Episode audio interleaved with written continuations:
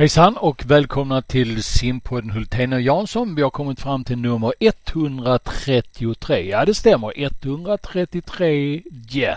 simpodden Hultén och Jansson. Helena Persson heter en eh, av framgångsfaktorerna för eh, Västerås simsällskap simning. Hon är assistant coach och har varit engagerad som tränare i många år i föreningen. Eh, vi ska få träffa henne i simpodden eh, Hultén och Jansson den här gången. Men det blir också mycket annat om simning. Kanske ska vi bygga om eh, våra SM-tävlingar. Vi funderar lite runt det. Inflytandet av ISL-tävlingarna, hur har det påverkat oss? Och en hel del annat smått och gott. Varmt välkomna till simpodden Hultén och Jansson 133. Jag heter Hultén. Här kommer snart Jansson och Helena Persson också. Välkomna! Nu ska vi snacka simning. Ja, om de gör det bättre, det vet jag inte, men de gör det oftare. Det är ju omänskligt. Ja, men det gör vi Bosse, vi trummar på. Simpodden, Hultén och Jansson. Simpodden 133, Simpodden Hultén och Jansson. Och eh, välkommen till dig Helena Persson ifrån Västerås simsällskap till Simpodden. Kul att ha dig med. Tack så jättemycket och kul att få vara med. Mm. Jansson han sitter i sin eh, stuga på landet och Helena sitter på jobbet. Eh, och eh, Jansson först, hur, hur är läget i Värmland? Regnigt. Eh, aldrig riktigt dagsljus. Ett enda stort mörker. Mm. Nej då, det är jättebra i Värmland. Det är ett eh, Det är som det ska vara i november innan vi, det är dags för lussebullar och snö och skidåkning och julafton och allt det här. Allt är väl. Mm. Du Helena, du befinner dig var då? Och var är jobbet? Ja. Jag befinner mig i Västerås på ICA Max Erikslund. Mm. I en, Men... eh, i en konferenslokal. Okej, okay. och du känner inte att eh, Filipstad och Värmland drar så mycket för det finns ju ändå rötter hos dig där, eller hur? Klart att man blir lite avundsjuk när man ser Jansson sitta där i Värmland och eh, i lugnet och eh, stillheten, absolut. Mm. Mm. Mm. Jansson, du är speciellt intresserad av Helena för att hon är från Värmland men också för att hon jobbar i Västerås simsällskap. Utveckla detta lite. Ja, jag är intresserad men och sen är jag också lite besviken för hon tillhör ju de där värmlänningarna som um, har förändrat sin dialekt. Så att hon pratar ju inte riktigt värmländska längre men uh, okej okay då. Helena, uh, du är ju uppväxt i Värmland. Berätta lite grann om var och uh, vad som gjorde att du hamnade inom på simning.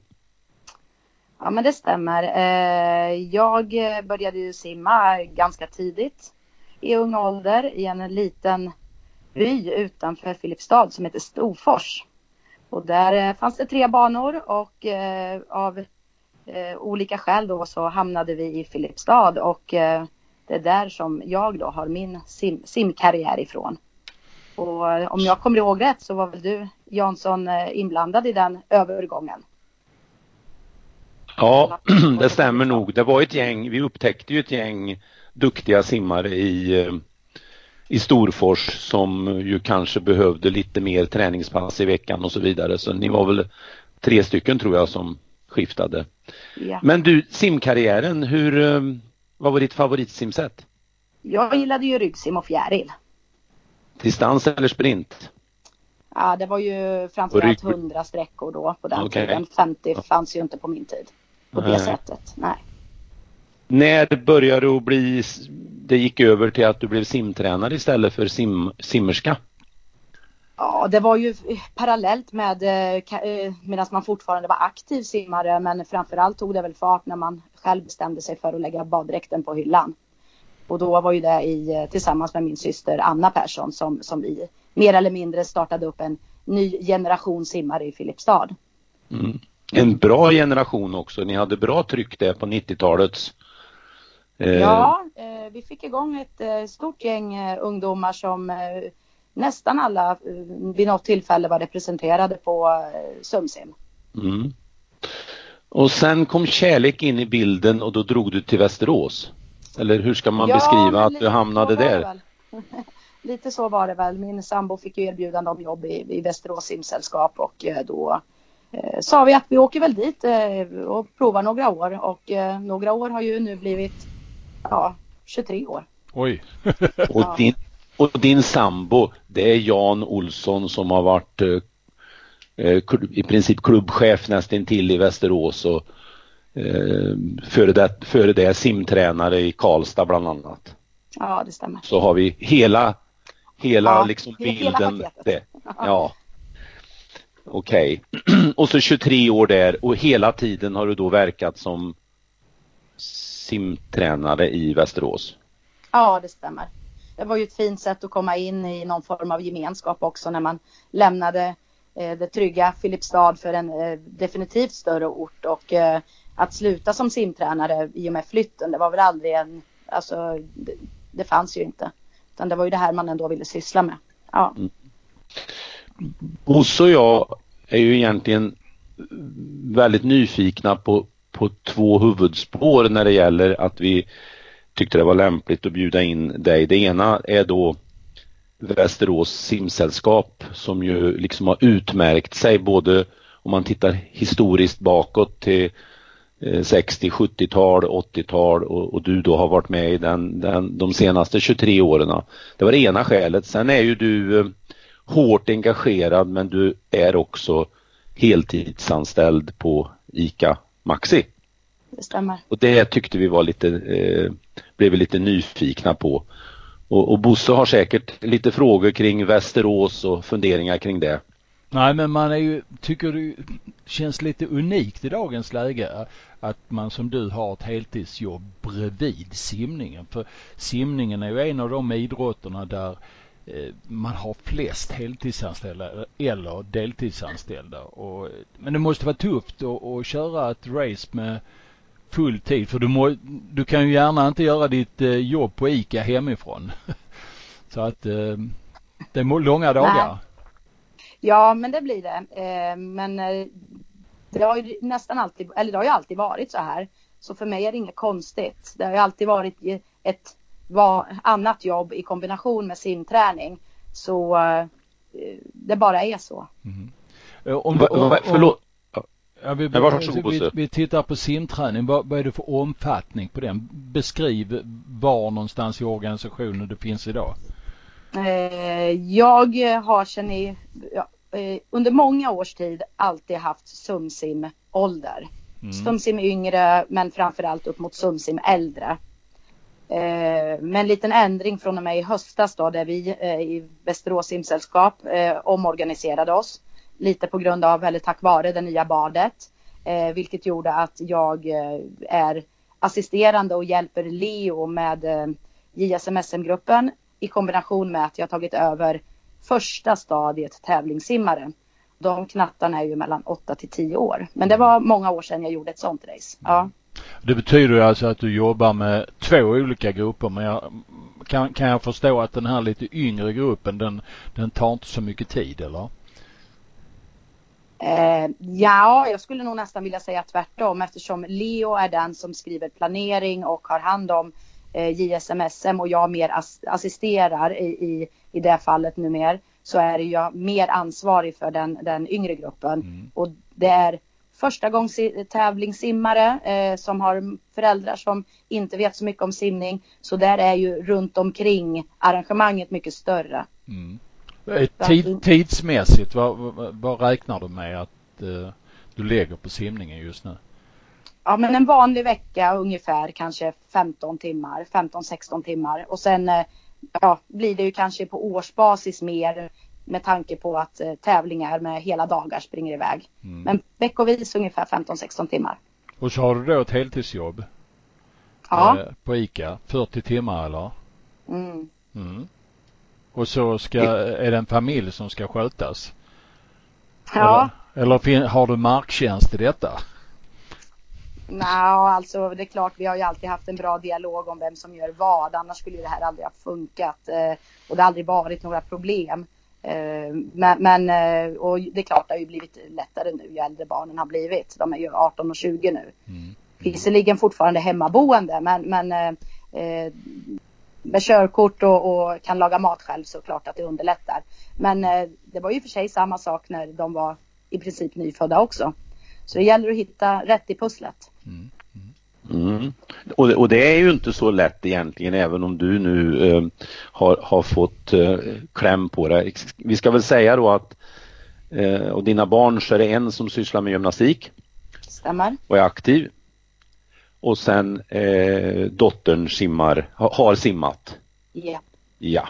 Eh, och så har vi nämnt Leo nyss och då menar vi, alltså som är huvudtränare, då menar vi Leo Tamberg. Just det, som har också varit i Västerås väldigt länge och är en oerhört kompetent mm. tränare som vi har nämnt ett antal gånger i podden och, och eh, skrytit över.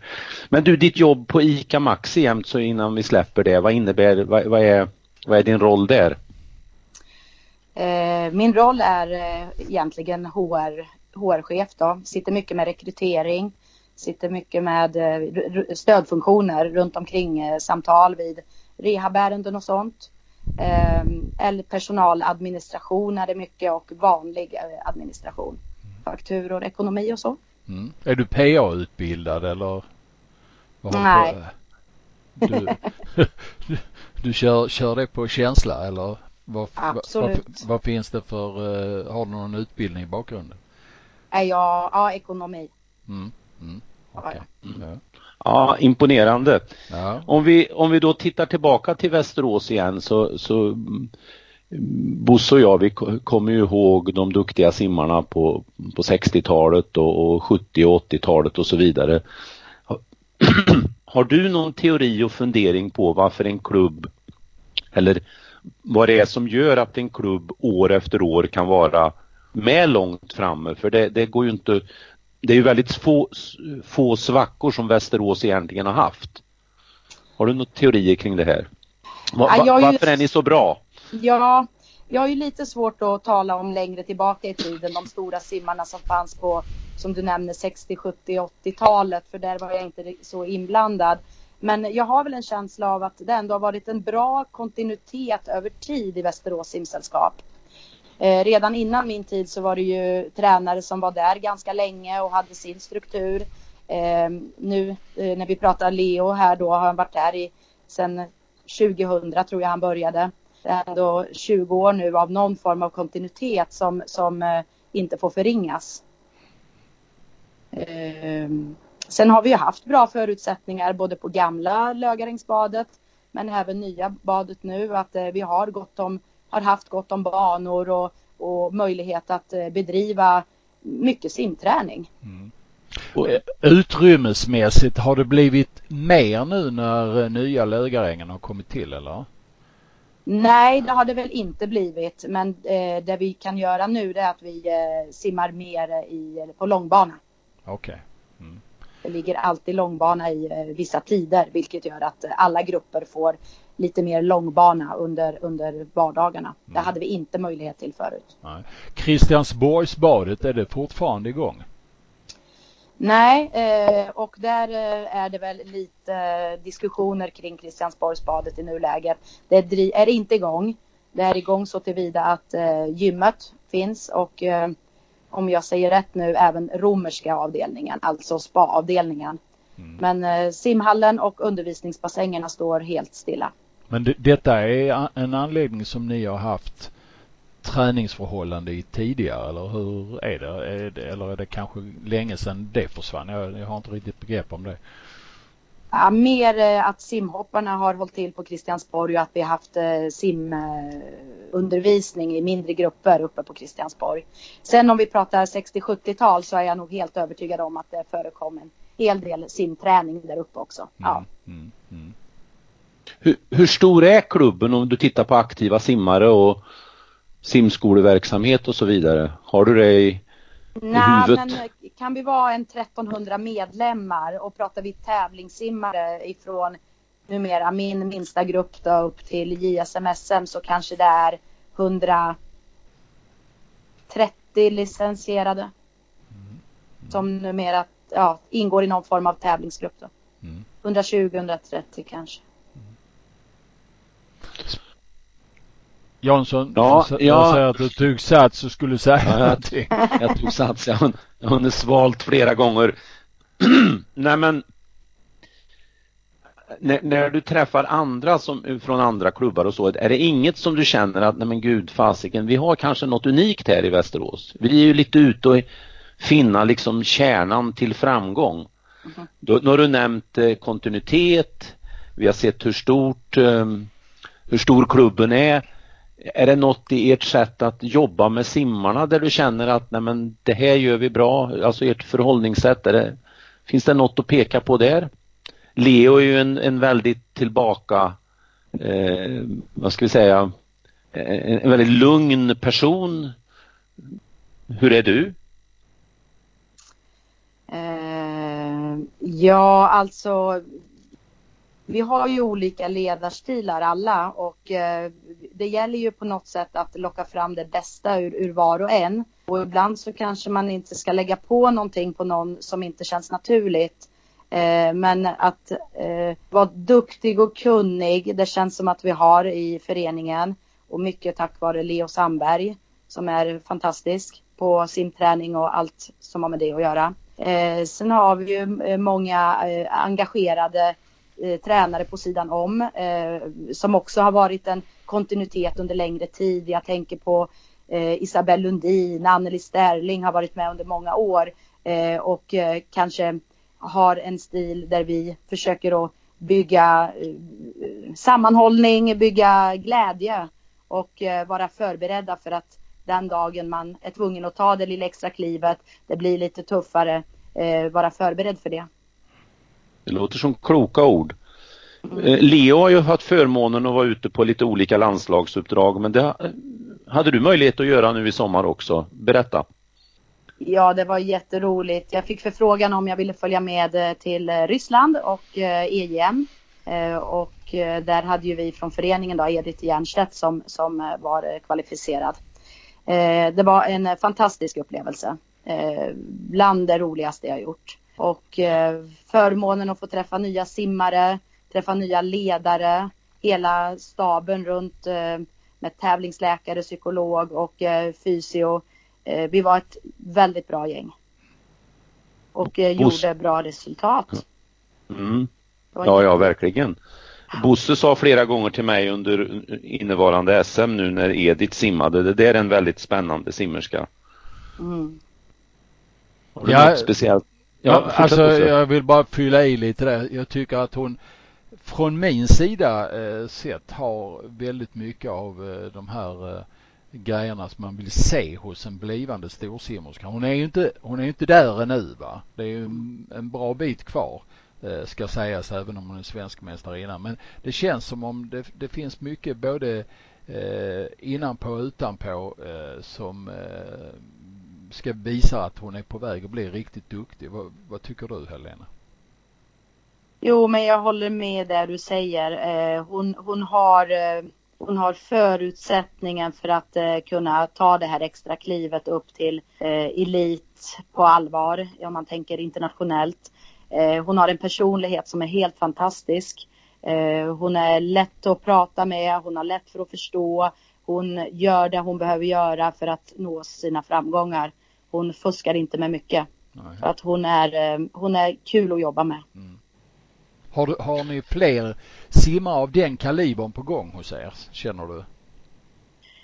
Ja, men jag tycker väl ändå att det finns lite simmare som ligger, det blir ju lite i bakvattnet av Edith, men man får inte glömma bort hennes eh, klubbkollega då, då eh, Filippa Sterling som är lika gammal, som kanske i nuläget inte har tagit just samma kliv som Edith har gjort men eh, är ju otroligt duktig i sin simning och men är lite steget eh, bakom men gör fantastiska framsteg.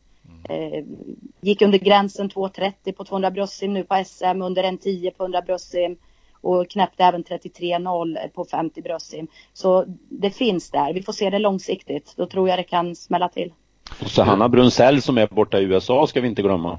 Det får vi absolut inte göra och eh, jag tror att eh, hon, hon trivs i USA och det kommer bli bra för henne där.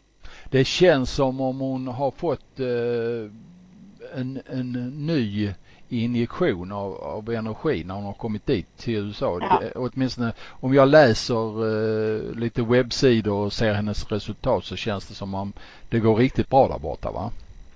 Ja, nu är inte jag jätteuppdaterad men jag har ju pratat med Leo då som har sagt att eh, Hanna har eh, fungerat bra i USA och att eh, hon har gjort precis som du säger eh, väldigt fina resultat på de tävlingar hon har deltagit i under hösten. Mm, mm. Eh, när, ni, när ni tänker eh, utveckling för simmare om, om, du säger att du har det första gänget eh, med tävlingssimmare som sen ska droppas av. Hur ser den organisationen ut? Du har snack, använt termer som yngre simsimmare, äldre simsimmare, eh, elitsimmare och sen så det här yngre gänget. Finns det mer eh, runt detta? Finns det grupper mellan? Och hur är ert tänkt där? Kör ni åldersklassatsningar, bla bla bla bla? Jag är nyfiken. Ja, jag förstår hur du menar. Ja, och det är ju det som är nytt nu från och med hösten. Att vi valde att kalla våra grupper för de tävlingar man simmar mot. Så mm, eh, i och med att jag har yngsta steget, de heter tävling guld. De är förberedande för framtida tävlingar. Eh, sen har vi semiaden 1, semiaden 2 och de mm. ligger ju då i åldrarna för att delta på semiaden yngre och äldre åldrar. Eh, som sen går över till en UGP-grupp där fokus är att simma UGP. Eh, simma alla sträckor som faktiskt erbjuds på en UGP över året så att man blir, eh, inte blir för smal i att bara simma de roliga simsätten. Mm. Eh, och sen så har vi, går vi över det till eh, sumsim yngre, sumsim äldre. Mm. För att sen då JSM-SM-gruppen då som också benämns som elit. Ja. Du, de här, de här gruppformationerna som ni nu har skapat här ganska nyligen tydligen. Eh, är det statiska gränser eller kan man som simjaden säga att man, man har en väldigt, väldigt duktig simjaden-simmare som är lite äldre klasser. Kan den hamna i en högre grupp eller håller ni tillbaka dem lite? Ja, eftersom det här är första eh, terminen nu vi kör så är det ju alltid en utvärdering under några års tid framöver här hur vi gör. Men eh, jag tror på att skynda långsamt. Och det finns eh, simmare i föreningen som nog hade velat flyttat upp grupper tidigare än vad vi tycker att man är redo för. För att inte tappa viktiga detaljer på vägen. Mm. Däremot ligger utmaningen i att som tränare då se motivationshöjande övningar för dem för att de inte ska tröttna. Och den är ju hårfin och väldigt viktig för oss tränare att, att göra. Mm. Vad, vad, har ni för beredskap till det som är orosmomentet här? För det är ju oftast inte simmarna som är problemet i sammanhanget utan det är deras föräldrar kanske. Ja, men det handlar väl lite grann om att utbilda föräldrar också och eh, ja, det ligger ju på egentligen varje tränares ansvar att också få med sig föräldraskaran i det här. Och det är ju otroligt viktigt att man har en bra dialog även med eh, föräldrarna. Eh, framförallt i yngre åldrar när mycket frågor eh, kommer. Men framför, ja, även med äldre simmare. Man, man ska alltid ha en bra dialog. Det är mm, viktigt. Mm, mm. Och ni känner liksom att, att eh, ni har föräldrarna på er sida. Det, det, är inte så att det finns en inom situationstecken föräldramaffia som är stark och styr. Nej. Nej, det tycker jag inte. Det finns säkert missnöje någonstans uppe på läktaren, eh, men eh, jag hoppas att det missnöjet i så fall når oss som kan vara med och påverka och att det inte blir en, en höna av en fjäder uppe på eh, bland föräldrarna i så fall. Mm. Men det får vi ju ta tag i om det skulle vara så. Mm. Du, om, om, om man nu inte lyckas eh, ska vi säga, fullfölja det här spåret i den här mm. organisationen som ni har. Alltså att man går pang, pang, pang och allting man landar längst upp eller om man hamnar i en sumsimgrupp och inte vill och inte kvala upp i den äldre och sånt. Finns det något sidospår man kan gå också? Ja, men det gör det och det har väl vi tänkt på mycket med strategi 2025 där från triangel till rektangel och eh, vi har ju gjort en, även en satsning på rektangel ehm, eh, från och med nu i höst då, då mm. där det finns sidospår för simmare som bara vill träna. Och då har, kallar vi de grupperna för ungdomsträning 1, 2 och 3. Mm. Där 1 vänder sig till eh, väldigt unga simmare och två och tre lite äldre. Mm. Och då är man välkommen och träna och det finns tränare på kanten som engagerar sig och eh, försöker göra det bästa av, av de som bara vill träna.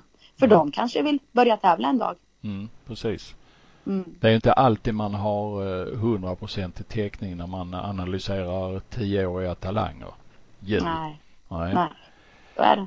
Du, eh, ja vad spännande. Eh, hur, vad, är tanken nu så att säga framåt med den organisation som ni har sjösatt här? Ska den växa eh, i antal simmar och grupper så här eller finns det en, en statisk form i detta som, som du ser eller kan ni växa?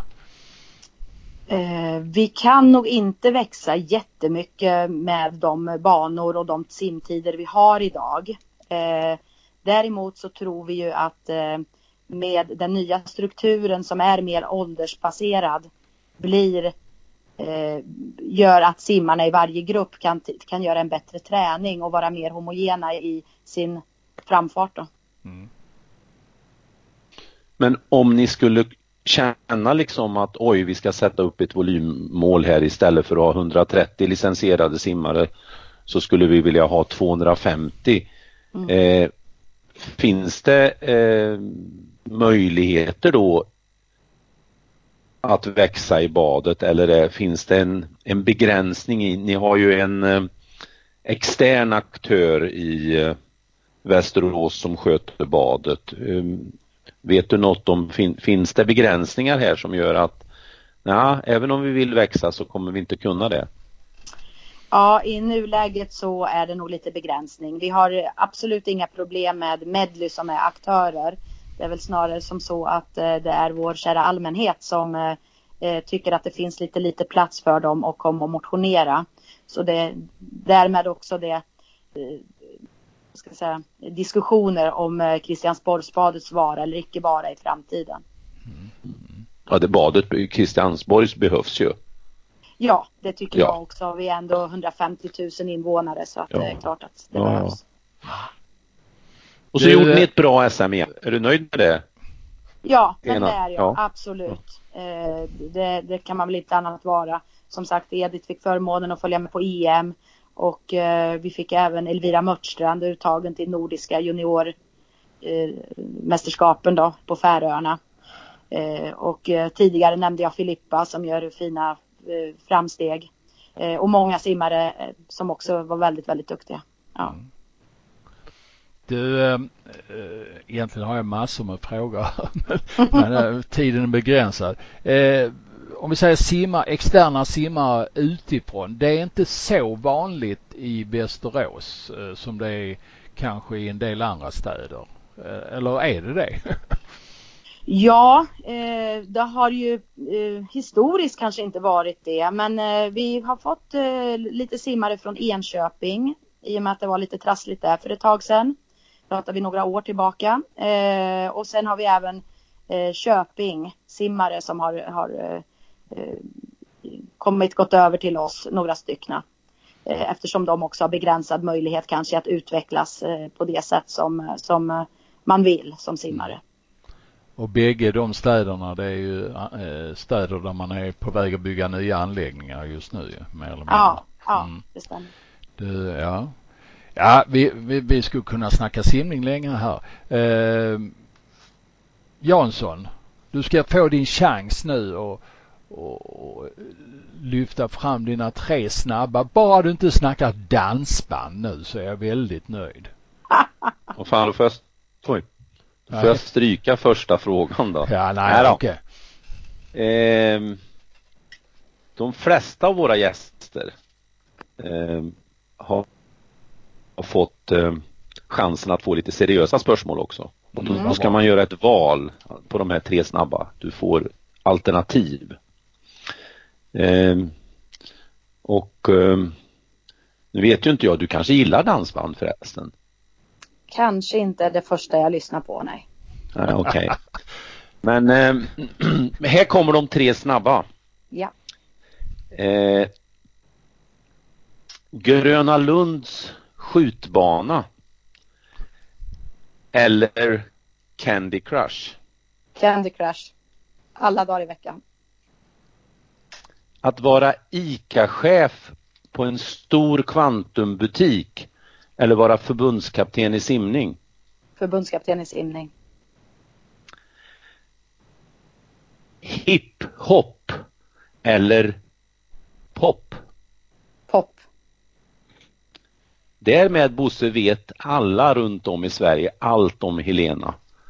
ja, det tror jag i och för sig inte. Men det var väldigt trevligt att få med dig på den här. Eh, det finns anledning att kanske följa upp det här i framtiden eh, och utvärdera det här vi har snackat lite om nu när det gäller er nya organisation och titta utvecklingsmässigt också. Det känns som om Västerås har någonting verkligen på gång här. Det är jättekul att eh, du vill vara med Helena. Tack så mycket för idag. Ja, tack så jättemycket för att jag fick vara med. Mm. Gött. Lycka till och ha det bra både på ICA och i, på Lögarängen så ses vi snart. Tack så jättemycket. Hej då. Hej då. Nu ska vi snacka simning. Ja, om de gör det bättre det vet jag inte, men de gör det oftare. Det är omänskligt. Ja, men det gör vi Bosse. Vi trummar på. Simpodden, Hultén och Jansson.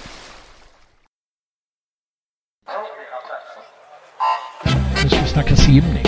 Ja, om de gör det bättre det vet jag inte, men de gör det oftare. Det är omänskligt. Ja, men det gör vi Bosse. Vi trummar på. Simpodden, Hultén och Jansson. Då är vi inne i den andra avdelningen av simpodden Hultén och Jansson nummer 133. Det är inte lätt att hålla reda på hur många det här är egentligen för att förra gången sa jag att det var 133 men nu är det verkligen 133. Men det är ju en, det är en följetong Bosse att du genom de här sändningarna nästan aldrig har koll på det måste jag säga. Nej, det är ju så. Nej, men det är ju det du som är Excel-mannen här så att eh, egentligen så är jag inte så bekymrad. Eh, vi förvillar ju kanske en del eh, lyssnare emellanåt. Trevligt snack med Helena tycker jag och eh, Intressant med Västerås tycker jag. Ja det är det. Intressant ja. verkligen. De mm. är, har något på gång. Ja, de har något. De är alltid på gång skulle jag vilja säga. Ja, Eftersom det. det upprepar sig med framgångar. Du, eh, Eh, det har tagits ut SM, eh, vad ska jag säga, EM och NM-trupper efter SM, så ska jag säga. Och eh, vad har vi att säga om detta?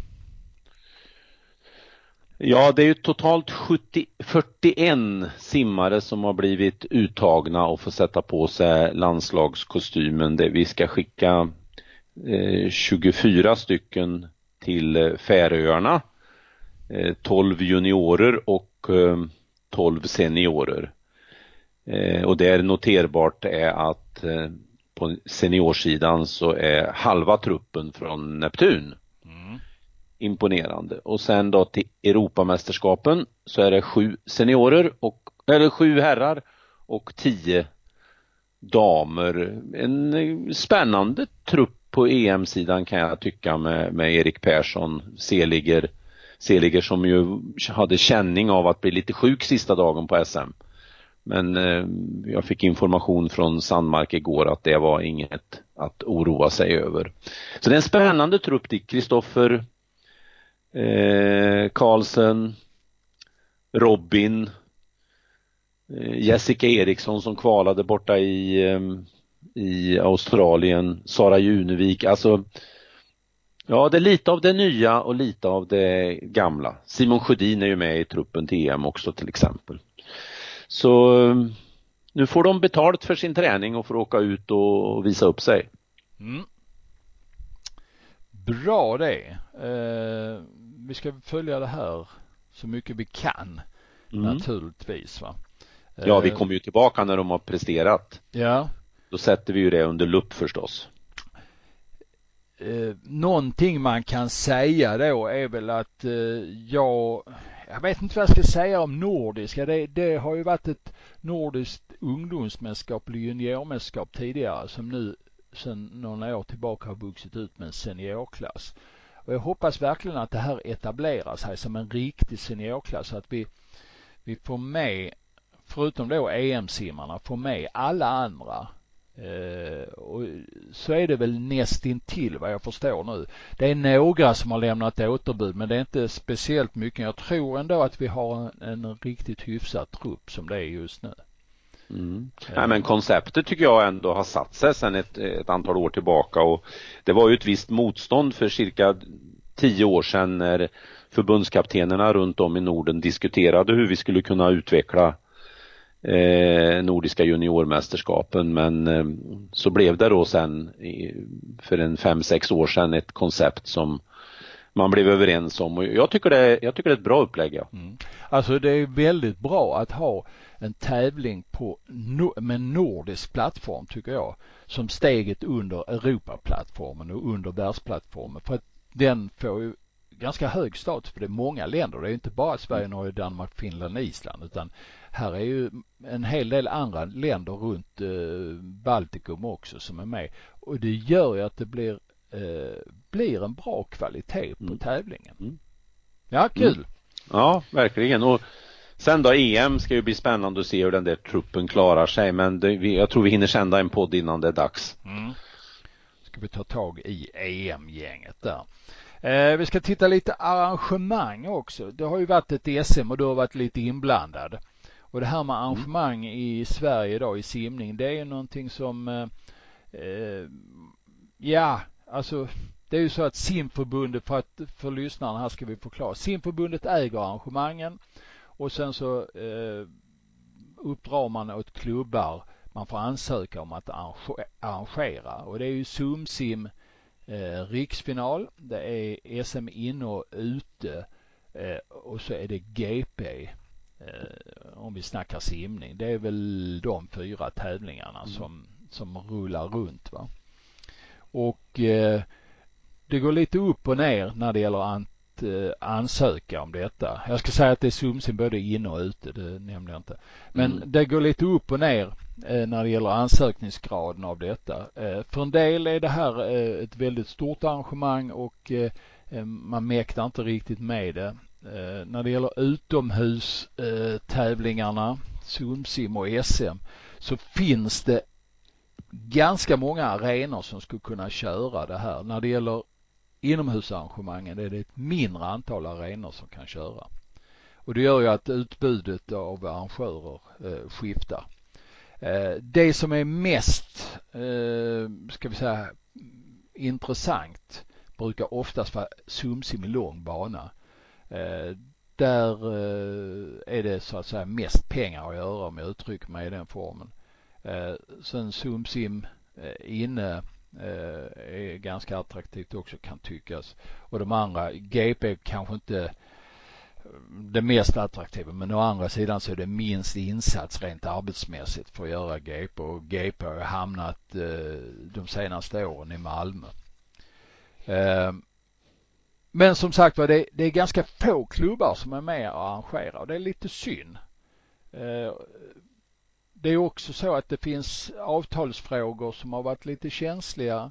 Eh, det kostar pengar att arrangera.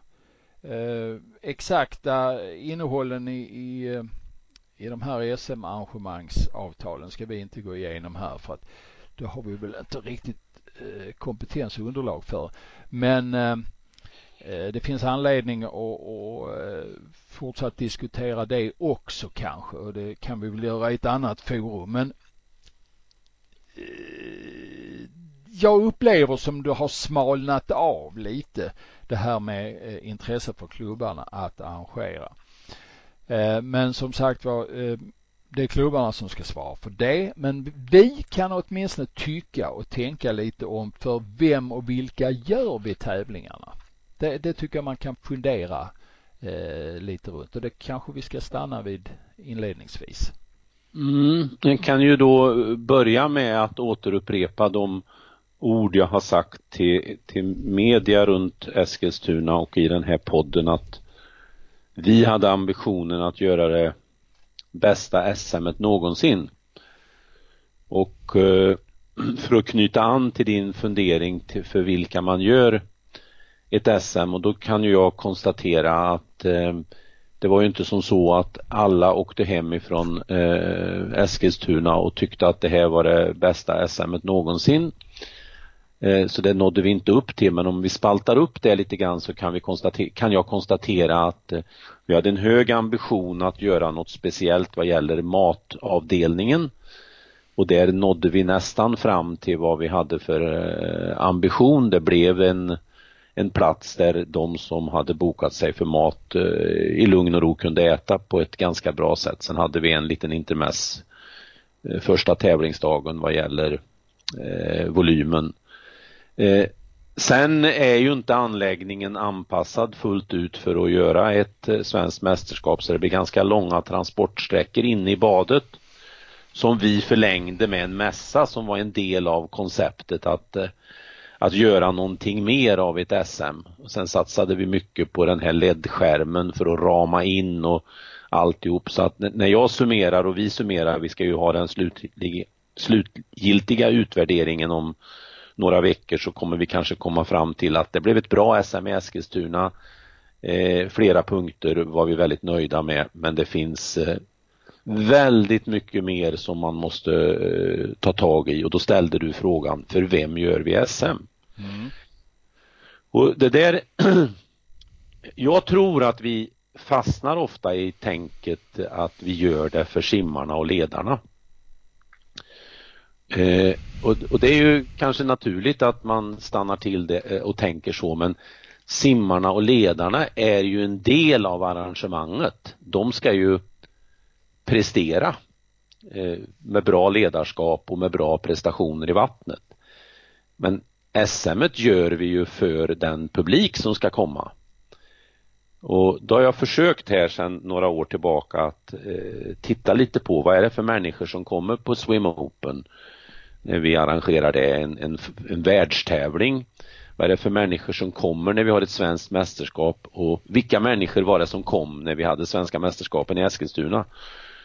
Och då är det tyvärr så att det är till, mesta, eller till nästan hela delen de som har någon form av anknytning, mormor, morfar, föräldrar, eh, simmat förut. Vi, vi sålde 21 unika biljetter i Eskilstuna till Eskilstuna-bor som inte då eh, hade någon sån anknytning.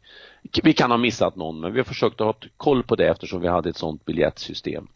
Det var alltså sådana som inte var föräldrar eller släktingar eller någonting utan det var helt, ja det var mannen ja. på gatan helt enkelt. Ja, de såg en annons, de fick ett erbjudande i Eskilstuna-Kuriren, de nappade på det och eh, erbjudandet fanns det en kod så att de kunde gå in på och beställa via biljett och så blev de unika.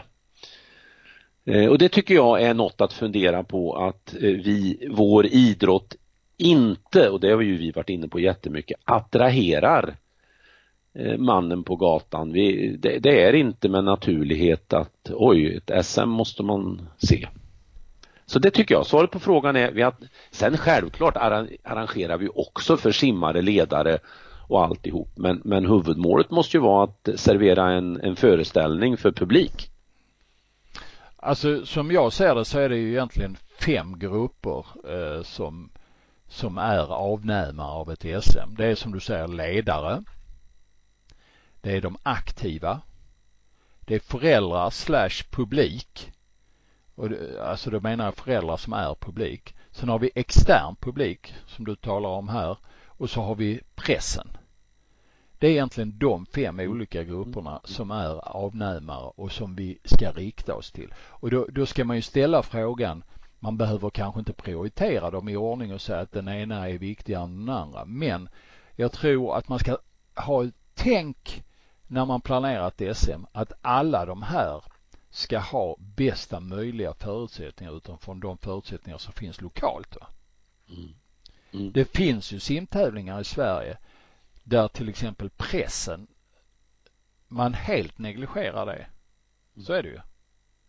Eh, och det finns tävlingar där den externa publiken är helt negligerad. Nu finns det inte mycket till extern publik men eh, så är det och så vidare och så vidare. Jag tror att man precis som du har resonerat här, här för ni planerade ju för eh, det här med maten för simmarna att de skulle sitta vid duka, vita dukar vid borden och det skulle vara eh, se trevligt ut och det ena och det andra eh, och vara rationellt. Och problemet är väl väldigt mycket att vi inte har arenor som är, är idrottsarenor utan vi har ett mischmasch. Eh, av eh, eh, arenor där eh, de är framförallt är byggda för att eh, härbärgera den som ska gå och bada. Och precis som du säger, ska man som publik ta sig in i arenan så är de allra flesta arenor i Sverige får du gå ohyggliga mängder med meter för att komma till din plats. Va? Eh, sen har vi ju en miljö i arenorna, i många av arenorna som inte är bra. Det är varmt. Det var det i Eskilstuna också. Det var ohyggligt varmt. Eh, det finns ju få anläggningar i Sverige som har ett bra klimat för den som kommer utifrån. Eriksdalsbadet, Filbornabadet, det är två som jag kommer på. Eh, många fler kan jag inte komma på. Så det, det är väldigt mycket att diskutera och jag, jag känner ju, för att nu liksom ta någon framtida syn på det här, att vi måste nog fan sätta, förlåt nu svor jag och det är första gången i podden i år. Eh, vi måste sätta oss ner och fundera på vad, hur ska våra arrangemang se ut i framtiden? För att de SM-arrangemang vi har idag, de har mer eller mindre sett likadana ut sedan 1986.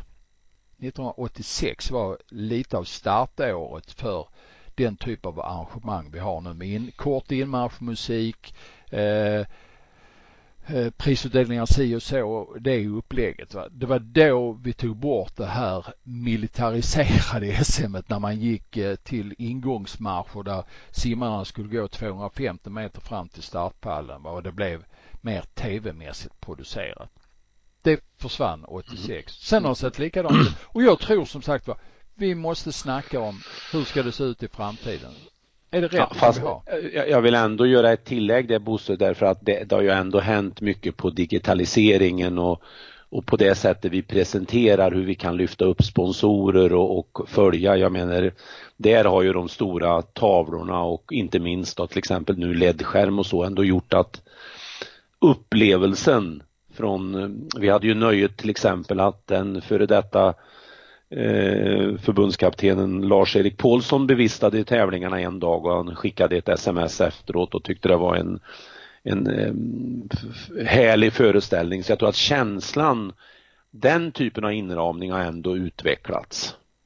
Absolut, jag menar tekniken har förbättrats. Mm. Men eh, Eh, om vi bara tittar till 86 så hade vi numeriska bildskärmar, vi hade mm. projektorer som körde reklam och så mm. vidare. Så att ljuset, bild, det har bara blivit så mycket förfinat och så som det var i år med den eh, väggen bakom startbryggan. Det var ju världsklass på den. Det är inget snack om mm. saken. Va? Men alltså frågan är, skall arrangemanget se ut som det gör? Och det som jag tycker är en härlig eh, Eh, liksom diskussionsöppnare i det här, det är de här nya eh, simprogrammen som du och jag har kommenterat i ISL eh, på, på Eurosport nu, mm. där man har lyft helt andra typer av arrangemang. Helt mm. annorlunda. Mm. Det är mer show, allt.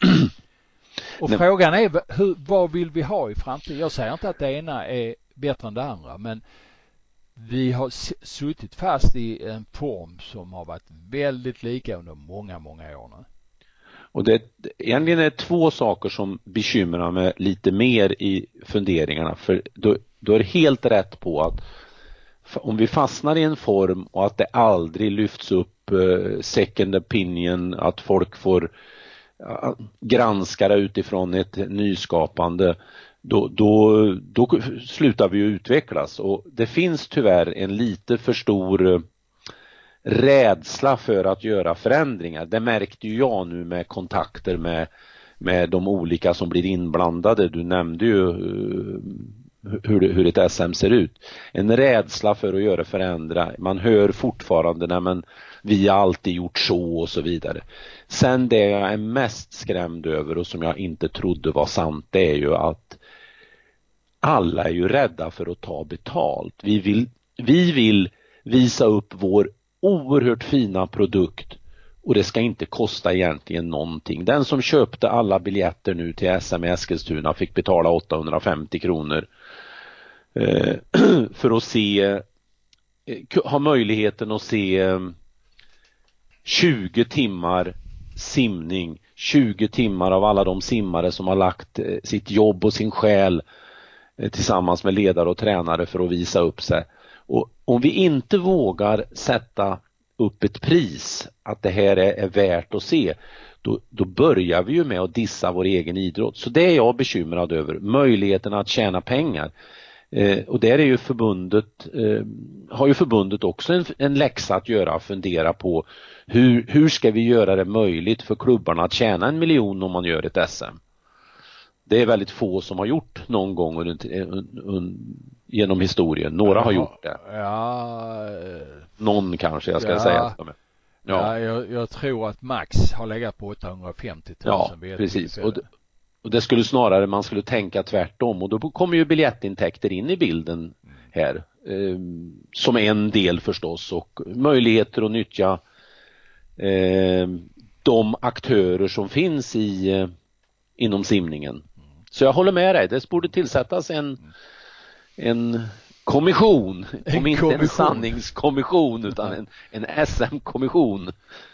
Nej men eh. alltså det borde vara vettigt att titta igenom det här. Mm, absolut. För att eh, arrangemangen, eh, arenorna eh, är ju oerhört viktiga i sammanhanget och är det så att inte de finns då har våra aktiva som vi lägger ner hur mycket tid och pengar på som helst, då har de ingenstans att tävla, utvecklas och träna. Så att eh, det är de två grundläggande grejerna mm. i svensk tävlingssimning och jobba med det.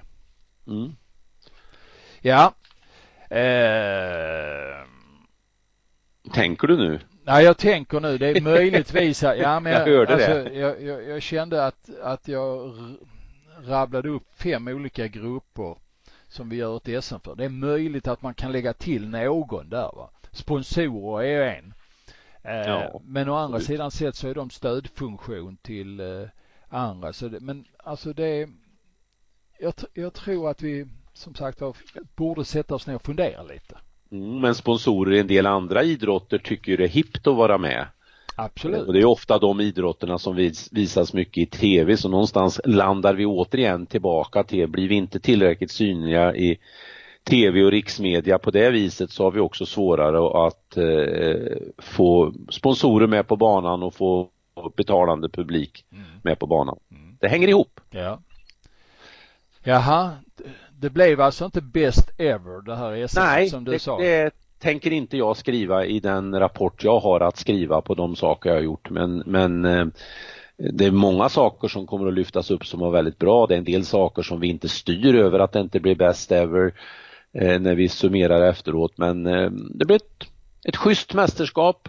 Hög, det blir ett bra. Mm. Jag tycker ja. ungefär lite så här om jag bara ska svepa med armen. Jag, jag tyckte att eh, arenan blev väldigt fin. Uh, nu är det ju ingen simarena utan en badanläggning men den hade man snitsat till, uh, snitsat, det är sånt värmländskt uttryck, uh, fått i ordning på, den var fin. Jag tycker med att här, den här nya tekniken gör det fantastiskt bra. Vad jag gillade det var den här mässan och entrén, det är runt omkring grejerna som finns där. Det kan man utveckla. Men detta var första gången det var, man hade tagit tag i, i det på ett inne-SM. Jag tror det är väldigt viktigt att simförbundet eh, och det här behöver inte du delta i debatten just nu i alla fall. Eh, tittar igenom och ser på eh, vilka avtal man gör så att man släpper in fler aktörer på arenan. Jag tror det är väldigt viktigt med mångfald här i det, det här sammanhanget som i många andra eh, sammanhang. Eh, det tyckte jag var väldigt bra. Eh, jag tyckte maten och, och det här runt omkring arrangemanget kändes väldigt fint. Sen är det, det är en bit kvar, så är det. Det mm. är, det är många grejer som är, är mindre bra och det, det beror väldigt mycket på arenan, inte på nedlagt jobb utan snarare på att vi inte har idrottsarenor helt Ja, fast också beror det ju på hur, hur vi gör det. Jag, jag gillar din approach att vi ska aldrig sitta still nöjda utan det gäller att eh, när, även när vi har tagit ut kursen som vi gjorde då, Best Ever eh, och så konstaterar man att det inte blev så men då måste vi ändå tänka på, ja men nästa gång då ska vi fylla den här luckan, den där luckan, vi ska utveckla det där. ett utvecklingstänk i, på alla, i alla led i vår idrott är viktigt. Och jag tror det är väldigt viktigt att simförbundet här nu tar eh, tag i någon form av roder i sammanhanget. För det är de som är med på alla arrangemang. Alla arrangemang i de här sammanhangen. Och de måste ta lite mer ansvar för själva utvecklingen. Det är inte föreningarna enbart som ska utveckla arrangemangen utan simförbundet ska inte ställa krav enbart och, och eh, jobba med den biten utan de måste vara med och utveckla det här också. De måste de initiera eh, utvecklingsfasen. Och det tycker jag inte de har gjort i sammanhanget under de senaste ja, decennierna. Så att det, det är dags att vakna mm. och hela svensk simning borde vakna i sammanhanget. Jaha du, eh, Björn Seliger till, ja förlåt, Cal Björn Seliger till Berkeley pratar ja. vi om. En av de bästa simmarna hamnar på ett av de bästa universiteten. Eh, det är ju inte så ofta som våra svenska simmare hamnar på de absolut bästa universiteten. Jag ska säga så här att det är inte alltid som att det är det bästa heller. För det är väldigt många gånger så att en, en simmare som hamnar på andra typer av universitet i division 1 eller 2 och 3 kan få en fantastisk utveckling där, både som människor som simmar. Så det gäller att hamna på rätt ställe som passar eh, passar den figuren så att säga. Det är inte alltid så att en simmare som är nummer 50 i Sverige eh, kanske mår så bra av att ligga på ett av toppuniversiteten. Men en simmare som är riktigt topp i Sverige, som hamnar på toppuniversitet och där det klickar och fungerar bra. Då kan utvecklingen vara fantastisk. Och Cal är ett av de bästa mm. universiteten i USA att simma och studera på. Och vilka simmare som har gått där förut. Det är ju värt att upprepa namn som Bengt Baron, Per Arvidsson, eh, Pelle Holmertz, eh, Thomas Leidström, Mikael Söderlund till exempel. Mm. Agneta Mårtensson eller mm, Baron blev hon ju sedermera. Mm. Ja, det finns Så det är en fin, det är en, det är en anrik, anrikt ställe Björn kommer så jag är jättespänd på vart det kan bära. Mm. Om det landar på en till olympisk guld kanske. Jag snackade några minuter med Pelle Holmertz häromdagen om det här och han är ju, är ju naturligtvis efter sina år i Berkeley väldigt pro Cal mm. naturligtvis. Och han var väldigt glad för Björns skull att han hamnade på det här fina stället att jobba och med bra coach. Eh, de har ett eh, fångstnät för de som inte fungerar 110 procent och hjälper och stöttar och supporterar Eh, ett bra stadscampus. Man behöver inte fara omkring som ett skållat troll över halva Kalifornien för att sköta skola, simning och, och eh, sömn och sånt där boende utan allting ligger väldigt centralt och mycket bra ställe. Pelle han var väldigt entusiastisk mm. till att Björn skulle komma dit. Så det är bra. Mm, ja. Det är bara att gratulera och så hoppas vi att eh, eh, han får ut det han ska. För att eh, mm det är ju en fantastisk talang. Vi har ju ett mm. antal mm. riktigt stora internationella talanger. Eh, Björn har ju genom skador och lite sjukdomar fått lite hack mm. i sin eh, utveckling. Har inte varit spikrak men eh, i slutändan när det här ska summeras om tio år så kanske det har varit bra. Det mm. vet man ju inte. Nej. Nej, Nej vi önskar honom lycka till. Och ringer upp honom kanske nästa vinter och hör hur han har det. Om han har lust att vara med. Ah, han är en given gäst i, i mm. Eh, i simpodden Hultén och Jansson. Jaha du, eh, vad har vi mer? Ja, bara nämna att eh, Sara går i vattnet i helgen när eh, Europalagen möts i ISL-galan under lördag kväll och söndag kväll tävlingar som sänds i Eurosport 2 eh, för att få fram vilka två Europabaserade lag som ska vara med i Las Vegas-finalen i december. Mm. Så det finns möjlighet att se på simning i tv mm. i helgen. Sara också uttagen till OS, den enda svenska simmare som är uttagen så här långt i den första uttagningen som kom i förrgår va? Mm. mm. Jag ska lägga till det att Erik Persson skulle ju ha varit med i, för Iron Swim som det lag han simmar för men eh, när jag fick några minuter, no, någon minut med honom i korridoren så, på SM så nämnde han att han hade tackat nej i ett tidigt skede till just den här deltävlingen för att satsa mot EM. Mm. Ja, Sara bara blev uttagen och jag tycker det är för jäkligt. Därför att SOKs statuter säger ju att är man topp 8 och de har ändrat Eh, om jag förstod rätt på Ulrika Sandmark som jag pratade med igår.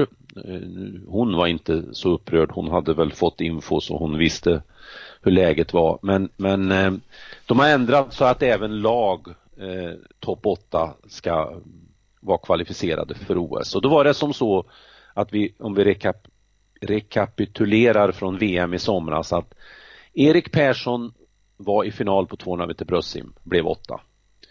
Louise Hansson var i final på 100 meter fjärilsim, blev sjua. Frisimslaget damer blev sexa och medleylaget damer blev sjua. Men de blev inte uttagna nu. Och det där är en, en anda, alltså jag, jag är ju, jag har en hatkärlek på ett vis till Sveriges olympiska kommitté. Kärleken består i att jag gillar ju deras utvecklingsarbete, deras sätt att jobba. Jag har sagt det här ett flertal gånger i podden förut eh, känns det som nu när jag säger det igen. Men när det kommer till uttagningar och det här att eh, styra var fjärde år, då tror jag det är eh, prestationshämmande för Sveriges trupp. Jag tror Sverige tar färre medaljer på OS tack vare att vi har det system vi har. Eh, jag tycker förbundskaptenerna själva till att börja med Eh, ska få styra över OS-tillfället därför att det är så tydliga regler för, för i stort sett alla olympiska förbund eller idrotter. Så att det blir konstigt för mig att förbundskaptenerna kan bestämma i tre år, sen det fjärde året då är det Sveriges olympiska kommitté som ska vara där och peta i hur man ska matcha eh, sitt lag. Det är omodernt, det borde tas bort omedelbart och det var oerhört korkat är fel ord, men det var anmärkningsvärt att man inte gav förtroende till sådana som Erik, Louise och lagerna. Man behöver ju inte ta några namn till lagerna utan man kan ju göra som man har gjort många gånger förut och säga att okej, okay, Sverige kommer att få ställa upp och sen är det upp till förbundskaptenen att ta ut. Att inte Michel är med eh, det tycker jag också egentligen är märkligt för om man eh, med den rekord hon har med skadeperioden och sen på det vis hon har kommit tillbaka och är försvarande och olympisk finalist. Alltså det är lite grann att säga att ja, ja, träna nu ordentligt och visa upp er en gång till. Jag gillar det inte. Så det stör mig Bosse. Mm. Ja, jag ska inte gå i polemik med dig om detta för jag håller egentligen helt med. Eh, så att eh, det är inte så mycket att säga om det. Men eh, jag tycker att det här var väl så lagom aggressiva tankar eh, ut i ja. etern här som avslutning på simpodden 133. Eh, Jansson, tål du tre snabba? Ja. Ja. Vad kul! Ska du, få, ska du få det nästa gång? inte idag då. Nej, då, då kommer jag ju ha mardrömmar framöver. Ja, det ska du ha också. Det är ja, det ja. som är meningen. Mm. Eh, då tackar vi för idag. Vi tackar er som har lyssnat och hängt med ända till the bitter end. Tack Thomas eh, Tackar. för att eh, du höll dig vaken under hela sändningen och eh, jag heter Bosse Hultén och säger till lycka där ute så hörs vi i podden nummer 134. Hej och tack! Nu ska vi snacka simning. Ja, om de gör det bättre det vet jag inte, men de gör det oftare. Det är ju omänskligt. Ja, det gör vi Bosse. Vi trummar på. Simpodden, Hultén och Jansson.